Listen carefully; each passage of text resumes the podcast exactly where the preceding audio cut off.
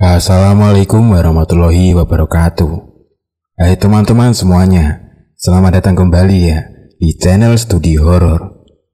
Studi Horor kali ini akan menceritakan tentang sebuah kisah Ceritan korban bangkai bus kecelakaan.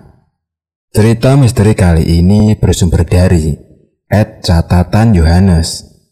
Lalu bagaimana kengerian dari kisah kali ini? Mari kita simak kisah ini bersama-sama. Cerita kali ini berhubungan dengan kecelakaan yang pernah terjadi di suatu daerah. Kecelakaan bus dan truk yang menyebabkan bus terbakar dan membuat seisi penumpang meninggal dunia. Bagaimana kisah selengkapnya? Langsung saja simak ceritanya. Di saat sebuah bus yang dinaiki banyak penumpang menyalip truk yang sedang memuat pasir di tikungan yang tidak begitu tajam, tiba-tiba datang truk lain dari lawan arah dengan kecepatan sedang. Sopir bus yang kaget langsung membanting setirnya ke kiri.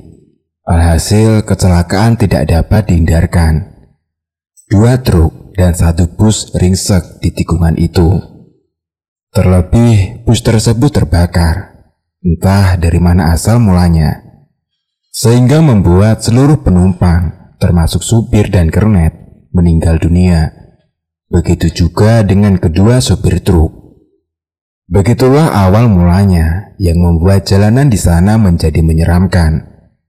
Mitos yang sering kali diceritakan oleh warga sekitar yaitu banyak suara meminta tolong dari dalam bus. Hingga suatu ketika, Bambang, seorang montir dari bengkel perusahaan bus tersebut, disuruh mengambil sisa-sisa dari bangkai bus yang masih bisa digunakan seperti dinamo atau barang yang lainnya oleh pemilik perusahaan busnya. Bambang tidak sendiri. Ia ditemani dua orang temannya, yaitu Joni dan Mat. Berangkatlah mereka pagi-pagi agar penerangan matahari bisa membantu mereka melihat dengan jelas bongkahan demi bongkahan bus tersebut.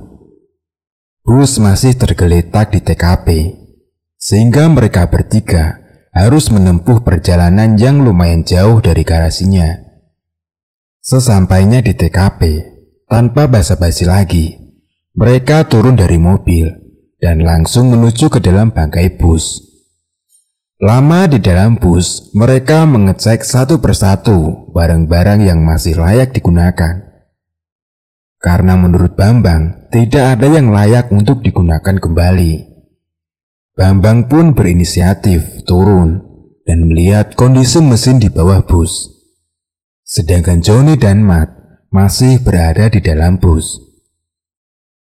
Setelah memasang alas untuk masuk ke bawah bus, Bambang langsung melihat kondisi mesin yang masih layak. Dia kaget ketika melihat ada darah segar yang masih mengucur ke bawah. Bukannya semua jasad sudah dievakuasi ya? Dan juga kan ini sudah tiga hari dari kejadian. Gumam Bambang dalam hati. Bambang terus melihat kucuran darah segar yang terus saja dan tidak habis-habis itu. Pak, pak, pak. Bambang kaget karena ada orang yang memanggilnya. Eh, apa? Jawab Bambang. Saya mau mengambil sendal saya, Pak ketinggalan di dalam bus? Kata seorang pria yang mengagetkan Bambang. Wah, ya udah sana. Di sana ada teman-teman saya. Jawab Bambang dengan singkat. Karena juga Bambang masih sibuk memikirkan sumber darah di sebelahnya yang terus mengucur deras itu dan tidak berhenti. Karena tidak kunjung mendapatkan jawaban, akhirnya Bambang memutuskan untuk tidak melanjutkan rasa penasarannya dan kembali fokus untuk mengambil mesin yang masih layak digunakan. Tangan Bambang menggerayai obeng dan engkol yang ada di sebelahnya. Setelah berhasil mendapatkannya, lalu Bambang mulai menempelkan engkol ke baut. Engkol dan obeng sudah digunakan untuk memutar baut-baut yang menempel di mesin. Dia putar terus sekuat tenaga, karena memang baut sudah lengket dengan mesinnya. Baut berhasil diputar, dan mesin yang masih bisa digunakan sudah di tangan. Bang-bang pun bergegas keluar dari bawah bus. Setelah keluar, Bambang memanggil temannya yang berada di dalam bus itu. John, karena tidak kunjung mendapatkan jawaban, akhirnya Bambang memutuskan untuk masuk ke dalam bus. Dan didapati, temannya sedang mengobrol di kursi belakang. Halah, malah ngobrol. Umpat Bambang. Joni dan Matt tertawa melihat ekspresi Bambang. Santai saja dulu, sebat-sebat gitu, ujar Joni. Sambil menunjukkan dinamo yang dipegangnya, seraya Bambang berkata, Ini masih bisa digunakan kan? Joni mengangguk, begitu juga dengan Mat. Sambil duduk, Bambang teringat orang yang berniat mengambil sendal tadi. Lalu Bambang berpikir, Kok bisa orang tersebut mencari sendalnya yang hilang di dalam bus? Menurut Bambang, Bus tersebut kan sudah tiga hari nggak dipakai. Karena penasaran apakah orang tadi beneran mengambil sandal, Bambang pun mencoba bertanya kepada dua kawannya itu. Eh John, tadi ada orang yang mau ngambil sandal di sini. Orangnya ke mana? Tanya Bambang. Orang? Ngambil sandal?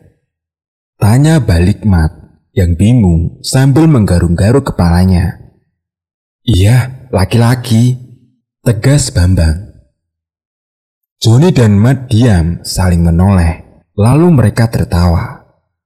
Mana ada orang yang mau masuk ke sini, mau nyari sandal lagi. Emang sandal bekas bisa dijual? Ujar Matt sambil terus tertawa. Tawa Joni pun semakin keras seakan meledek Bambang. Bambang yang juga kebingungan tentang laki-laki tadi pun jadi terdiam sambil otaknya terus berpikir. Bang, kamu sehat? Tanya Joni sambil terus tertawa. Sehatlah. Jawab Bambang dengan nada meninggi dan mulai emosi dengan reaksi teman-temannya. Melihat reaksi Bambang yang emosi, tertawa keduanya pun langsung berhenti. Kamu serius? Tadi kamu melihat laki-laki yang akan mengambil senda? Tanya Mat dengan serius. Serius? Bukan cuma melihat. Orang itu tadi juga izin ke saya. Jawab Bambang. Tunggu-tunggu. Ini ceritanya gimana sih Bang? Tanya Joni yang memutus obrolan Bambang dengan Mat. Jadi, tadi sewaktu saya mau mengambil dinamo, saya dikagetkan dengan darah yang mengucur ke tanah. Sewaktu saya memikirkan sumber darah tersebut, tiba-tiba saya dikagetkan. Ada laki-laki yang menyapa saya. Lalu dia meminta izin untuk mengambil sendalnya yang tertinggal di dalam bus ini, katanya. Jelas Bambang. Joni kaget setelah mendengar penjelasan dari Bambang. Refleks, Joni menoleh ke arah Mat dan begitu pun sebaliknya. Cukup lama berhadapan, Mat pun akhirnya kembali menoleh ke arah Bambang, lalu berkata, "Tidak ada siapa-siapa lo di sini, dan tidak ada orang yang masuk ke sini sedari tadi." Bambang pun terdiam, dibuat bingung dengan jawaban Mat. Tidak lama, Bambang mengangkat kepala, lalu bertanya kepada kedua kawannya itu. Jika memang tidak ada, lalu tadi itu siapa? Eh, tunggu-tunggu. Memang kamu melihat orang tersebut masuk ke dalam bus ini. Bisa jadi itu cuma orang-orang iseng, ujar Johnny. Melihat sendiri John, aku juga mendengar suara hentakan kakinya saat dia naik tangga di pintu depan bus. Jawab Bambang dengan tegas. Bukan manusia, Tiba-tiba Mat menyeletuk, menghentikan obrolan Bambang. Bukan manusia? Bagaimana maksudmu? Tanya Bambang dengan penasaran. Sejenak, Mat menghela nafas dengan panjang. Kemudian, dengan detak jantung yang berdetak lebih kencang dari sebelumnya, Mat menjawab, "Jika itu manusia, lantas bagaimana bisa kita tidak melihatnya?" Semua langsung terdiam. Rasa takut menyelimuti tubuh mereka. Meskipun matahari masih menyinarkan sinarnya. Ah, sudahlah, lupakan tentang kejadian itu. Kita kembali bekerja saja ya, ujar Bambang. Mat dan Joni mengangguk mendengarkan ucapan Bambang. Lalu, ketiganya berdiri dan mulai berpencar, mencari barang-barang yang masih bisa digunakan. Terlalu asik bekerja hingga tidak terasa senja pun tiba. Atas inisiatifnya, Bambang menyuruh kedua temannya untuk menyudahi pekerjaannya dan dilanjutkan keesokan harinya. Kamu menyuruh kita selesai ini karena kasihan sama kita atau karena kamu takut didatangi hantu lagi? Hahaha. Tanya Mat dengan gelagat mengejek Bambang. Sialan, umpat Bambang. Hahaha. Pecah tawa mereka. Malam hari ketika ingin istirahat, tiba-tiba istrinya memanggilnya. Ada apa? Tanya Bambang. Tadi aku lihat ada bercak darah di tembok kamar mandi mas. Jelas istri Bambang. Lalu, ujar Bambang agar istrinya melanjutkan ceritanya. Cepat-cepat saya langsung keluar mas. Ucap istrinya. Berarti sekarang masih ada. Tanya Bambang. Masih, soalnya aku tidak berani membersihkannya, Mas. Kata istrinya. Ya udah, biar saya yang membersihkannya. Kata Bambang. Lastri istrinya mengangguk dengan penuh kecemasan dan dibaluti rasa takut yang amat mendalam. Karena takut harus menunggu lama di dalam kamar mandi, Lastri memutuskan untuk mengikuti suaminya dari belakang. Dengan langkah yang semakin pelan, Bambang meyakinkan dulu hatinya, menghilangkan segenap rasa takut yang menyelimuti jiwanya. Setelah memastikan sudah cukup, dengan yakin, Bambang masuk ke dalam kamar mandi. Mana? Tanya Bambang. Di situ, di atas gantungan baju. Jawab Lastri. Gak ada, Ujar Bambang. Hah? Masa iya mas? Ujar Lastri yang masih tidak percaya. Sini, kamu masuk. Pinta Bambang. Dengan detak jantung yang berdetak kencang seakan ingin lepas, Lastri melangkah masuk menuju kamar mandi. Setelah benar-benar sudah berada di dalam kamar mandi, Lastri kaget. Karena bercak darah yang tadinya dia lihat kini tidak ada. Tadi di situ loh mas. Ucap Lastri sembari menunjuk atas gantungan baju. Mungkin tadi kamu cuma halu, ujar Bambang sambil menggeleng-gelengkan kepala. Ah tidak mungkin. Tadi lama aku melihat darah itu. Aku juga sudah mengedip-ngedipkan mataku mas. Jelas Lastri. Ya udah, ayo tidur saja kata Bambang. Akhirnya mereka berdua kembali menuju kamar dan berniat untuk tidur. Di sela-sela akan tidur, tiba-tiba HP Bambang berbunyi. Rupanya Joni yang sedang menelponnya. Halo, apa John? Bang, aku sudah di tadi diteror sama hantu. Jelas Joni. Teror bagaimana? Tanya Bambang. Mulai dari lampu depan rumah yang tiba-tiba pecah. Suara tawa kuntilanak. Hingga bercak darah di tembok kamar mandi. Jelas Joni. Bercak darah di tembok kamar mandi? Tanya Bambang dengan penasaran. Iya, jadi tadi ada bagian tembok yang tiba-tiba ada bercak darah. Lah anehnya itu di atas. Yang nemuin itu istri saya. Sewaktu saya cek, emang ada itu darahnya. Jelas Joni lagi. Loh, kalau gitu sama John. Tegas Bambang. Sama. Tanya Joni. Iya, di rumahku juga ada bercak darah. Sama-sama di tembok kamar mandi. Kata Bambang. Wah, kamu serius bang? Tanya Joni yang masih tidak percaya. Iya, sama juga. Yang nemuin istriku. Tapi Sewaktu saya cek, sudah tidak ada. Namun, wajah istriku sudah pucat karena ketakutan. Jelas Bambang. Apa ini teror dari hantu di bangkai bus tadi itu? Tanya Joni. Bisa jadi. Tapi, jika memang dari bangkai bus tadi, harusnya Sima juga mendapatkan teror seperti kita, kata Bambang. Benar. Lalu, bagaimana dengan Mat? Apa kamu tahu kabarnya? Tanya Bambang. Tidak bang, biar besok kita tanya langsung ke Mat. Jawab Joni. Keesokan harinya, mereka kembali menuju ke TKP karena bangkai bus masih belum boleh dibawa ke garasi tempat mereka bekerja. Rasa khawatir menyelimuti tubuh Bambang dan Joni, akan tetapi tidak dengan Mat. Sepanjang perjalanan dari garasi sampai ke TKP, tidak ada obrolan yang membahas tentang kejadian yang dialami Bambang dan juga Joni semalam. Bambang atau Joni enggan memulai pembicaraan ataupun sekedar bertanya memastikan apakah Mat juga mengalami hal yang sama dengan dirinya.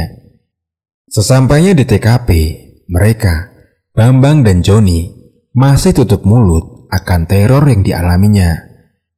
Bambang mulai mengatur pekerjaan yang harus dikerjakan temannya. Lama bekerja hingga tidak terasa suara azan zuhur berkumandang. Bambang dan Joni berada di bawah, sedangkan Mat seorang diri berada di dalam bangkai bus tersebut. Mas, mas, mas, Suara liri seorang wanita mengagetkan Mat yang masih sibuk dengan pekerjaannya. Menarik nafas dalam-dalam. Siapa itu? Kata Mat dalam hati. Namun, gelagat Mat masih menunjukkan sikap tenang. Sama sekali dia tidak menunjukkan sikap takut. Meskipun detak jantungnya sudah berdetak lebih cepat dari biasanya. Sudah zuhur, sholat dulu mas. Lagi-lagi, suara wanita itu kembali terdengar. Sikap tenang Mat kali ini berubah. Mat mulai menunjukkan sikap tidak nyaman di dalam bangkai bus itu. Namun karena lagi bekerja, Mat menunjukkan sikap profesional dengan tetap melanjutkan pekerjaannya dan tidak menghiraukan suara lirih perempuan itu. Tidak lama dari suara wanita yang menyuruh Mat untuk sholat zuhur. Tiba-tiba Mat mendengar hentakan langkah demi langkah yang mulai mendekatinya.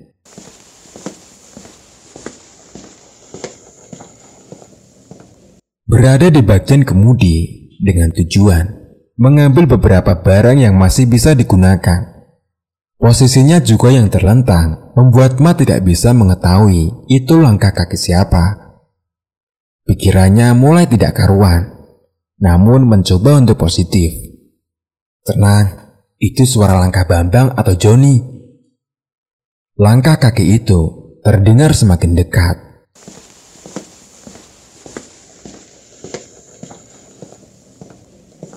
Namun, tidak ada suara dari mulut orang yang melangkah itu.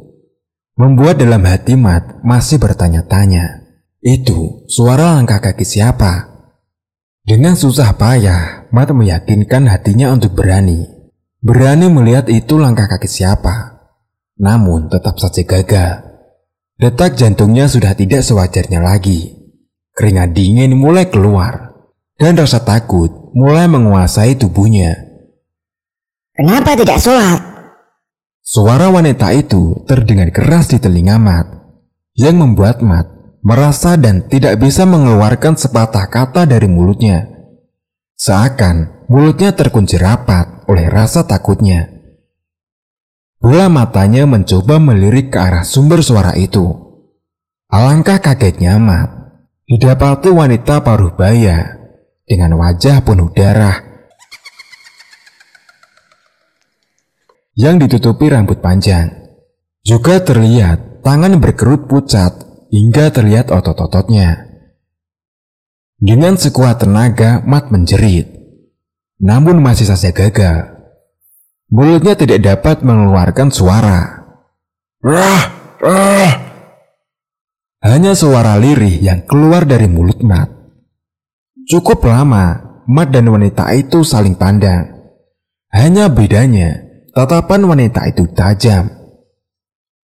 Akhirnya, Mat berhasil menjerit tidak lama setelah wanita itu tiba-tiba lenyap dari pandangan Mat. Wah! Jeritan Mat di dalam bangkai bus itu hingga terdengar oleh kedua temannya, Bambang dan Joni. Refleks, Bambang dan Joni saling pandang. Kenapa dia? Tanya Bambang ke Joni. Joni hanya menggeleng-gelengkan kepalanya. Karena rasa penasaran yang tinggi dan juga takut terjadi apa-apa sama Mat, Bambang memutuskan keluar dari bawah bus dan bergegas menuju ke dalam bus menemui Mat dan disusul oleh Johnny di belakangnya. Mat, kenapa Mat? Tanya Bambang. Ah, ah, itu. Mat tidak kuasa menahan detak jantungnya yang cepat sehingga membuat nafasnya terengah-engah. Hingga untuk menjelaskan kejadian yang dialaminya kepada Bambang saja, dia tidak sanggup. Kenapa, Mat? Bambang kembali menanyakan pertanyaan yang sama. Namun kali ini, Bambang meninggikan nadanya. Mat yang gagap membuat Joni kasihan, hingga membuatnya berani memotong pembicaraan keduanya. Sudah bang, kamu tenang dulu, biar Mat juga bisa tenang, agar bisa menjelaskan permasalahannya kepadamu dengan lancar, ujar Joni. Bambang mengangguk dan turun menuju ke mobil yang mereka bawa dari garasi tadi. Setelah kembali dari mobil, Bambang membawa sebotol air mineral lalu diberikannya kepada Mat. Ini minum dulu, kata Bambang sembari memberikan sebotol air mineral tersebut. Tanpa lama-lama dengan cepat, Mat langsung mengambil air mineral itu, lalu diminumnya. Setelah meminum, Mat mencoba menenangkan diri dulu, mengatur nafas, dan menghilangkan pikiran negatifnya. Setelah dirasa tenang, Mat mulai menceritakan kejadian yang dialaminya tadi, hingga membuatnya menjerit keras sampai terdengar oleh kedua temannya itu. Jadi gini, tadi ada seorang wanita paruh baya datang kepadaku. Jelas Mat Siapa dia? Apa tujuannya datang kepadamu? Tanya Bambang dengan penasaran. Dia hanya menyuruhku sholat zuhur. Tapi yang membuat aku berteriak itu karena wajahnya hancur, ditutupi rambut panjangnya, dan tangannya pucat sampai ototnya pun terlihat. Tambah Mat. Wah, serius kamu Mat? Timbal Joni yang masih tidak percaya dengan kejadian itu. Iya, jawab Mat dengan tegas, sembari menganggukkan kepalanya. Joni dan Bambang saling menoleh. Lalu kembali mereka berdua menoleh ke arah Mat. Lalu bagaimana Mat? Tanya Bambang. Sudah, begitu, kata Mat. Apa itu korban dari kecelakaan kemarin ya? Tanya Bambang. Lah, bisa jadi seperti itu, Bang. Jawab Joni. Seakan tertampar, jawaban Joni membuat mereka bertiga terdiam dan saling memandang satu sama lain. Cukup lama mereka terdiam, lalu Bambang berinisiatif untuk bilang ke bosnya agar mereka bekerja mengambil sisa-sisa barang bus sewaktu bangkai bus sudah berada di garasi saja. Karena menurut mereka, teror ini terjadi karena mereka bekerja di TKP agar mereka bekerja mengambil sisa-sisa barang bus sewaktu bangkai bus sudah berada di garasi saja. Ini kita langsung berada di kandangnya John. Ini yang menyebabkan teror itu terjadi. Jelas Bambang. Iya, benar. Di saat banyak orang yang tidak berani berada di sini atau lewat sini pun, kita malah bekerja di sini dan berada di dalam bangkai ini yang baru kemarin terjadi kecelakaan dan memakan banyak korban jiwa. Jelas Joni. Mat dan Bambang mengangguk mendengar penjelasan dari Joni. Wah, ini benar-benar gila. Di siang bolong seperti ini, masih saja ada hantu yang berani nongol seperti tidak masuk akal. Imbuh mat. Bambang mengangguk-angguk. Belum lagi, mereka harus diteror hingga ke rumah. Dan juga yang membuat mereka khawatir adalah teror terhadap keluarga mereka, istri dan anak-anak mereka. Oh ya Mat, apakah keluargamu juga mendapat teror seperti keluarga kita? Tanya Bambang. Bagaimana maksudmu Bang? Tanya balik Mat yang bingung dengan pertanyaan Bambang. Jadi begini, Mak. Kemarin, istriku sama istrinya si Joni diteror dengan adanya bercak darah di kamar mandi. Tapi lebih parah di keluarga si Joni. Di sana, terornya sampai mecahin lampu. Nah, kalau teror ke istriku ini, sewaktu aku cek, bercak darahnya tidak ada. Nah, kan aneh. Jelas Bambang. Mat mengangguk-angguk mendengarkan penjelasan Bambang dengan seksama. Apakah benar begitu, John? Tanya Mat kepada Joni. Sembari mengangguk, Joni menjawab, Iya. Lantas, bagaimana keadaan istri kalian? Tanya Mat. Baik-baik saja sih, cuman ada rasa trauma sendiri bagi istriku. Jawab Bambang. Iya, benar kata Bambang. Istriku jadi takut mau keluar rumah, ujar si Joni. Ya udah, kita lanjut dulu pekerjaan kita hari ini. Selebihnya, kita bilang ke bos untuk melanjutkan setelah bangkai bus ini sudah berada di garasi. Ucap Bambang. Mat dan Joni mengangguk sepakat. Lalu mereka kembali bekerja. Namun kali ini, posisinya selalu bersamaan jika yang dikerjakan di dalam bus, maka mereka bertiga berada di dalam bus juga. Dan jika yang dikerjakan berada di luar bangkai bus, maka mereka bertiga berada di luar bangkai bus tersebut. Dikiranya sudah aman jika selalu bersama. Tiba-tiba tepat setelah azan asar berkumandang, bangkai bus tersebut seperti goyang sendiri. Mat, mat, kenapa ini? Ucap Joni dengan nada tinggi. Dengan berusaha lari keluar, Mat berteriak. Gak tahu John, cepat lari keluar. Bergegas, Joni menyudahi pekerjaannya dan bergegas pula lari keluar bangkai bus itu, disusul dengan Bambang. Sesampainya di luar bangkai bus, mereka terheran-heran karena tidak ada yang aneh dari bus tersebut. Lah, tidak ada apa-apa kok, ujar Bambang. iya, balas Mat. Tapi, tadi kalian juga merasakan kan? Ucap Joni. Bambang mengangguk, begitu juga dengan Mat. Bangkai bus ini seperti bergoyang kan? Tanya Joni lagi. Iya, jawab Mat dengan sisa-sisa nafas yang masih terengah-engah. Aneh, kata Bambang. Setelah menarik nafas dalam-dalam dan mengembuskannya, Joni meminta teman-temannya kembali ke dalam bus dan melanjutkan pekerjaan. Karena dirasa hanya firasat mereka saja, akhirnya mereka bertiga sepakat untuk melanjutkan pekerjaannya di dalam bus. Belum lama mereka melanjutkan pekerjaannya masing-masing.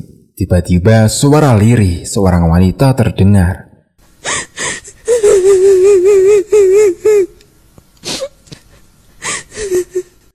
Tang, tang. Disusul suara berat dari seorang laki-laki. Aku di mana? Antarkan saya pulang ke keluarga saya. Suara keduanya seakan bersautan silih berganti. Saling menoleh mereka bertiga. Mat, Joni, dan Bambang hanya mampu terdiam dan mendengarkan dengan seksama dari mana asal sumber suara tersebut. Kaku sekujur tubuh dibuatnya. Hanya bola mata yang mampu bergerak mencari dan mengikuti arah sumber suara tersebut. Yang mereka yakini itu adalah korban dari kecelakaan yang menewaskan banyak penumpang.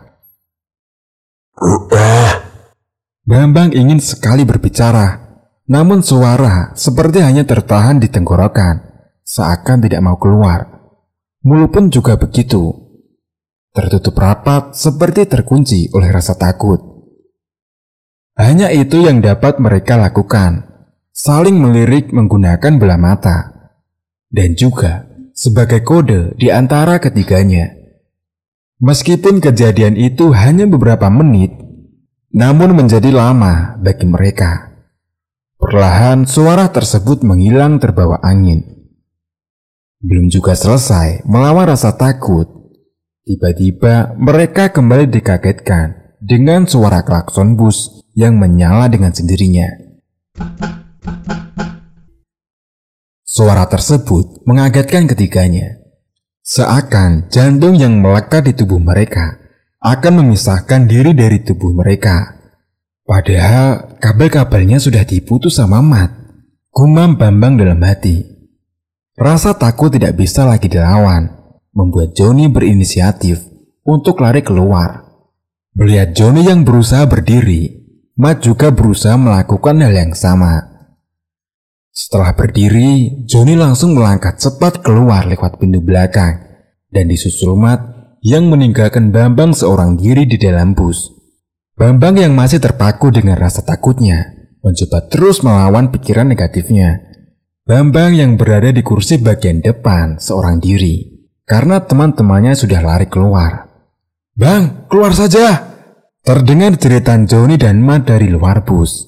Mendengar suara ajakan dari temannya, Bambang pun berusaha berdiri dan menguasai dirinya untuk bisa diajak lari keluar. Setelah lama berdiskusi dengan dirinya sendiri, akhirnya Bambang melangkah keluar. Meskipun langkah demi langkah terasa amat lambat. Dan pada akhirnya Bambang pun berhasil keluar. Sialan kalian, bentak Bambang dengan nafas yang masih terengah-engah. Kenapa kalian malah kabur? Kata Bambang. Anu bang, anu.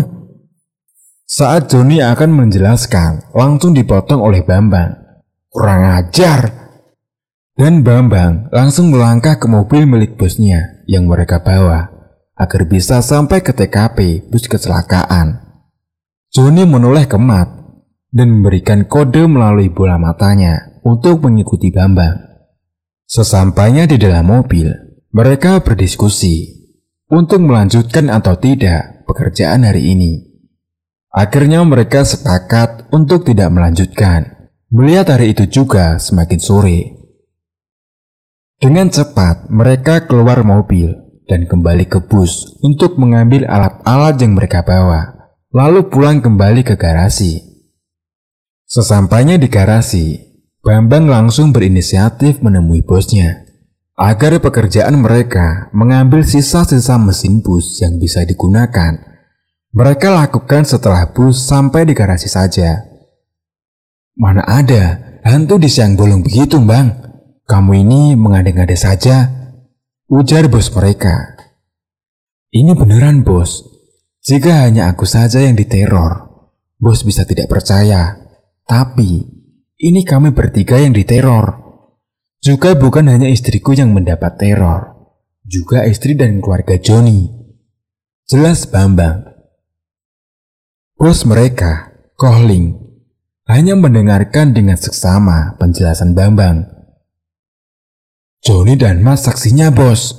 Kalau perlu, aku bawa istriku dan istri Joni untuk menjadi saksi bos. Tambah Bambang. Kohling hanya diam. Dalam otaknya, seakan berpikir tentang kejujuran omongan Bambang. Terlebih, Bambang juga orang kepercayaannya. Ya udah, kamu lanjutkan setelah proses olah TKP dari kepolisian selesai. Jadi, bangkai bus ini sudah bisa kami bawa ke garasi, ujar Kohling. Mendengar perkataan Kohling, Bambang bahagia dan tidak sabar ingin memberitahu kedua temannya karena mereka akan terbebas dari teror penumpang korban kecelakaan bus tersebut. Tidak lama setelah mendapat jawaban dari bosnya, Kohling, Bambang langsung menemui Johnny dan Matt. Kita lanjut bekerja setelah bus ini sudah di garasi, ujar Bambang. Bos setuju, ucap keduanya serentak. Bambang mengangguk dengan senyuman. Tapi, apakah teror ini bakal berhenti? Apa mereka tidak mengikuti kita hingga ke rumah masing-masing? Dan mereka meneror keluarga kita? Tanya Mat. Cerita pun selesai. Terima kasih teman-teman sudah mendengarkan cerita ini hingga selesai. Mohon maaf apabila ada kesalahan kata, kesamaan nama orang, tempat, atau kejadian. Wassalamualaikum warahmatullahi wabarakatuh.